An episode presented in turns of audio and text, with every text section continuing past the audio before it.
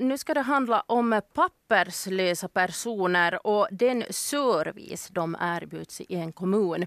Och I det här fallet i, i Raseborg, det var då 24 politiker, eh, fullmäktigeledamöter som lämnade in och skrev under då en motion. Det här skedde i slutet av fjolåret där de då efterlyste att Raseborgs stad ska hjälpa de papperslösa med sådana här konkreta åtgärder. Lite så där som det har gjorts i Helsingfors. Och det handlar då bland annat om att erbjuda hälsovård också i icke brådskande fall. Så handlar det om barn och mödrarådgivning och så också nödinkvartering för att nämna några, några av de här av, de, av de det, det, det som de ville ha fram i motionen. Och nu har då en arbetsgrupp gjort en utredning kring möjligheterna till det här och kommit fram till att eh, i nuläget så räcker inte resurserna till för att erbjuda papperslösa den här utökade servicen. Det skulle då kosta staden 250 000 euro per år. Och det har staden inte råd med enligt utredningen. Jag har eh, några gäster här i studion, tre stycken. Det är överskötare Annika Rehn. Det är Eivor Österlund Holmqvist, chef för social service. Och så har vi med oss också SDP-aren och fullmäktigeledamoten Johan Kvarnström som också står bakom den här motionen. God morgon på er! God morgon. Annika Ren och Eivor Österlund Holmqvist, det är ni som tillsammans med en sån här tvärprofessionell arbetsgrupp har stått för den här utredningen. Och ni kom då fram till att det inte finns resurser som det ser ut idag. Vilka områden är det då som är mest problematiska där det alltså inte finns resurser? Då, jag, skulle, jag skulle säga att jag gärna vill lyfta upp den här mentalvården idag. Människor som kommer eh, hit till landet som flyktingar och blir papperslösa är, har väldigt mycket trauma i bagaget. Och vilket kräver långsiktig hjälp. Och det har vi inte resurser för idag. Rådgivningarna, vi erbjuder ju redan idag rådgivningstjänster. Hela, hela paketet och där är resurserna ganska knappa som det ser ut redan idag. Betyder då, då mentalvårdstjänster, det betyder det behövs mera folk och mera kunskap eller? Jo. Precis. Du sa att en del service får de ju redan nu. Vad har papperslösa rätt till i Raseborg som det är idag? Vi erbjuder idag brådskande vård åt alla. Och barn under 18 år får samma hjälp som, och service som kommuninvånare. Just det. Så barn får all service som en, vilken Raseborgs, vilket Raseborgsbarn som helst? Ja. Hur är det då med, med vuxna? Kan du utveckla lite? För vuxna är det den här brådskande vården som gäller. Mm. Som, som alla människor har rätt till oberoende var man är bosatt eller skriven. Mm. Hur svårt har det varit att göra den här utredningen med tanke på ändå att de papperslösas antal, man kan aldrig riktigt veta hur många de är? Det har varit mycket utmanande. Vanligtvis när man bereder ett ärende så har man statistik, man har fakta, man har vetenskapliga forskningar att, att utgå från och empiri framför allt. Uh, eh, här hade vi inte det i och med att det inte finns statistik på hur mycket papperslösa det finns i Finland idag. Och uh, det finns ett stort mörkertal, säkert ett antal vet, vet vi om. Men uh, läget ändrar ju väldigt mycket hela tiden. Att det, det, situationen lever helt enkelt. Mm. Vi har ju en, en mottagningscentral här i Raseborg i Mjölbolsta. Och, och, och det det är ju så här att man kan bli, när man blir papperslös, så är man papperslös en tid, så kan man söka på nytt om, om asyl. Och då kommer man ju igen till den här mottagningscentralen. Um, så att vi har väl med invandrartjänsterna uppskattat att ibland så har det varit där kring 20 nu är det kanske mindre igen, att det går väldigt mycket i vågor. Mm. Men ni har, antalet. Ja, ni har kommit ändå fram till den här summan på 250 000 euro per år som det då skulle kosta. Eh, vad finns med i den här beräkningen, i de här kostnaderna? Här, här, finns bland annat eh, de köptjänster som vi räknar att vi kommer att behöva. Vi har, vi har idag ganska knappa resurser på bashälsovården. Och att rulla, att ge service åt våra kommuninvånare. Eh, för att utöka den här servicen och kunna ge en kvalitativ service även åt dem som är papperslösa och eventuellt asylsökande så behöver vi köpa in de här tjänsterna. Vi har svårt att rekrytera bland annat läkare i den här landsändan idag. Mm. Eh, du sa att i brådskande fall så får också vuxna papperslösa då vård. Kan du berätta lite, vad, är, vad räknas som brådskande fall? Uh, nej, det är fara för liv och att man utan, utan vård skulle få, få det här avgörande konsekvenser. Mm. Ska papperslösa då ha rätt till mer service, då behövs det pengar. Och det är ju upp till politikerna då att säga jo eller nej till pengarna. Det är inte tjänstemännen som ska göra det, det är bara tjänstemännen som utreder. SDPR fullmäktige ledamot Johan Kvarnström, vad, vad har du för tankar kring den här utredningen nu? Eh, för det första tack för att jag blev inbjuden för att det är en väldigt viktig humanitär fråga att diskutera. Och gällande den här utredningen vill jag också säga, rikta ett stort tack till Annika och Eivor och alla andra so, som står bakom den. Att var, den. Den är ju väldigt noggrann, gedigen och tydlig och omfattande. Och, och jag tror det var väldigt bra att den var så här tvärprofessionell, att sakkunniga från flera sektorer har, har bidragit till den vilket märks och det, och det är bra. Frågan belyses ur flera olika aspekter. Mm. Och vad tycker du om resultatet? Det är vi extra eh, nyfikna på. Det, det, det är ganska... Jag, jag, läste det ju nu först när det kom till, till Stadsstyrelsen på måndagen. Och det, det, det, det, det är intressant för det, det, finns ett väldigt bra jobb utfört. Mm. Men nu måste vi politiker ännu jobba lite till. Dels den där, där nämns den här ett förslag då på, på, på resursering. Och det kan man göra till en budgetfråga.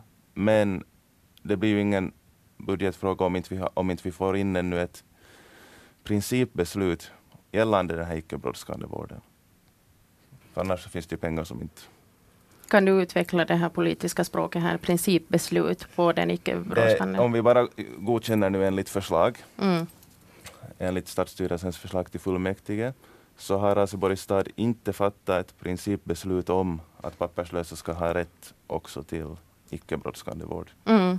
För att öppna det här så, så föreslås eh, att ärendet nu bara antecknas till kännedom i fullmäktige. Och, och då är det slutbehandlat då i princip om fullmäktige klubbar igenom det. Exakt. Hur tror du att eh, det kommer att gå då i fullmäktige när det tas upp där? No, det, är lite, det är lite för tidigt att säga men jag, jag är ganska säker på att, på att vi över partigränserna når något slags eh, jag ska inte säga ändringsförslag för det går inte emot beredningen, men ett, någon slags tillägg till, till det förslag som nu föreligger så att vi skulle få med, det är också bra att få med det, det här principbeslutet åt någondera hållet. Och jag tycker förstås att det ska vara åt det jakande hållet för att av humanitära skäl. Men, mm. men det är viktigt att, att vi får med ett beslut så att det inte sen tas upp som en budgetfråga som inte har förankring i ett principbeslut. Här bör ju kanske också nämnas att i december när den här motionen lämnades in så var det 24 av 43 ledamöter som skrev under den här motionen. Och ja, det, är starkt förankrad. Ja, faktiskt. Eh, kan du berätta lite varför du anser att den här frågan är så viktig? Varför du tog initiativ till motionen? Egentligen för att det handlar om så otroligt grundläggande saker, att, som jag sa, att en humanitär fråga var att vi inte ska göra skillnad på folk och folk. Och vi har, man bor i Raseborg så borde man kunna gå till HVC innan det är fara för livet eller ger konsekvenser för livet. Det är liksom en så här helt medmänsklig fråga tycker jag. Och som det också redan kom fram, det finns också nu en risk att, att, att dessa människor inte Kanske, de kanske, just för att man kanske är lite rädd om man är papperslös att kontakta myndigheterna, man kanske utnyttjar det också för lite. Man kanske inte går och söker vård innan man faktiskt har fara för livet, vilket gör att det sen i slutändan blir dyrare om man måste gå till någon akutvård som man ändå inte har råd att betala fast man är som papperslös är skyldig att göra det. Du menar att ett icke brådskande fall leder vidare till ett brådskande fall om inte skett? Mm. Mm. Är det då Raseborg som ska betala för det här? Är det, är det rätt instans? Det, det optimala vore att staten skulle koordinera det här så att det är lika i alla kommuner. Men med nuvarande regering ser det som ganska omöjligt att få till stånd för att Sannfinländarna har satt sin prägel på regeringsprogrammet och den blå framtid fortsätter hålla det greppet. Mm. Så det ser inte så ljust ut. Så därför är jag benägen att göra så här positivt undantag, precis som Helsingfors stad har gjort. Mm. Eh, det är ganska stor skillnad när man tänker på kommun och kommun Helsingfors och, och Raseborg. I Helsingfors bor det väldigt eh, många fler människor för det första och så är de papperslösa också många fler. Eh, kan man jämföra de här väldigt olika städerna och, och, använda det som de har i Helsingfors här i Raseborg också då? Ehm, jag, jag kanske trodde man skulle kunna göra det lite mer än vad, än vad som nu på basis av den här utredningen visar sig vara fallet. Mm. Eivor Österlund Holmqvist, vill jag tillägga.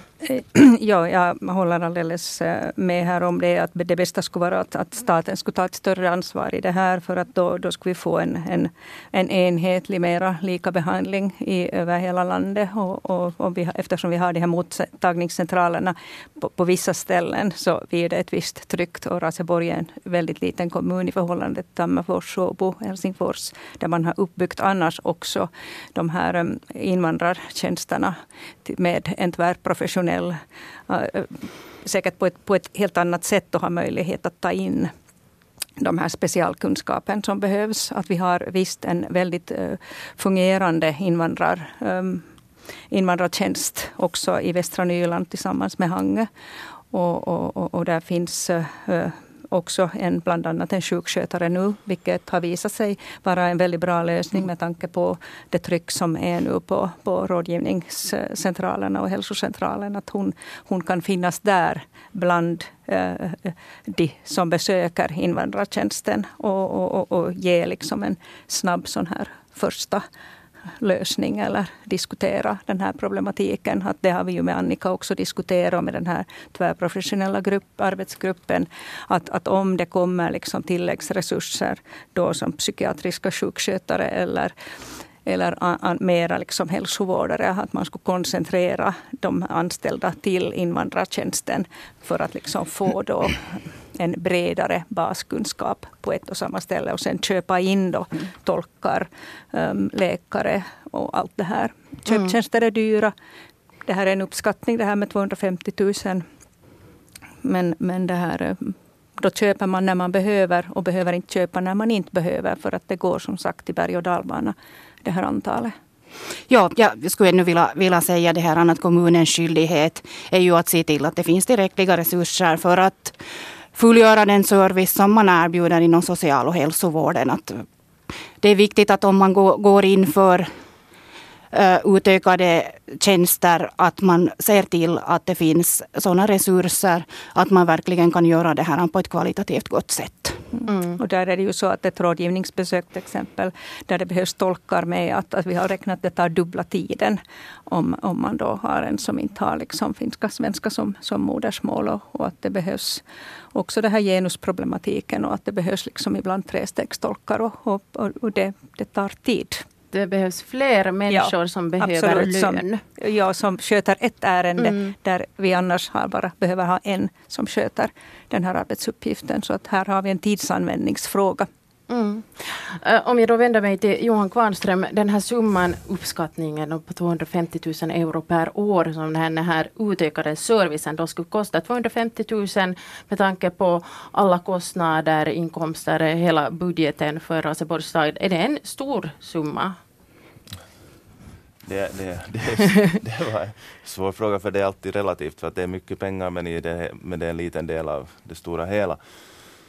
Det som vi måste nu fundera på att är det så man måste göra det att styra det till, till, till nya tjänster eller köptjänster enligt den, där, enligt den där summan eller kan man ha någon form av principbeslut om, om att, hej, att man kan, att man har rätt att använda de här och de här om man är papperslös och, och kolla om nyttjandegraden, liksom, jag menar det faktiskt handlar om en, kanske nu en handfull människor. Mm. Om nyttjandegraden ytterligare är låg så tror inte jag att deras användning i praktiken skulle kosta nära på 250 000. Men det är just det att, som är svårt att när, det, när det, antalet kan öka och så, det så att ett fall kan vara väldigt dyrt. Det vet man också, därför är det väldigt svårt att uppskatta. Mm. Men jag tycker att, man, att jag, måste, jag måste fundera ännu att om det går att så att säga att det kommer hela servicenätet igång, någon ny tjänst, att det inte blir så här skilda skräddarsydda tjänster som, som sen, om det inte finns något behov, som, som inte används. Bara hänger där. Ja. Mm. Och läget alltså det är nu att uh, det här ärendet, motionen, det behandlades i, i stadsstyrelsen och ska nu vidare till fullmäktige som ska säga sitt. Och då får vi följa med läget och, och kolla då hur politikerna tänker i fullmäktige i den här frågan. Tack ska ni ha, Johan Kvarnström, Eivor Österlund Holmqvist och Annika Rehn. Fint att ni kunde komma. Tack för att vi fick komma.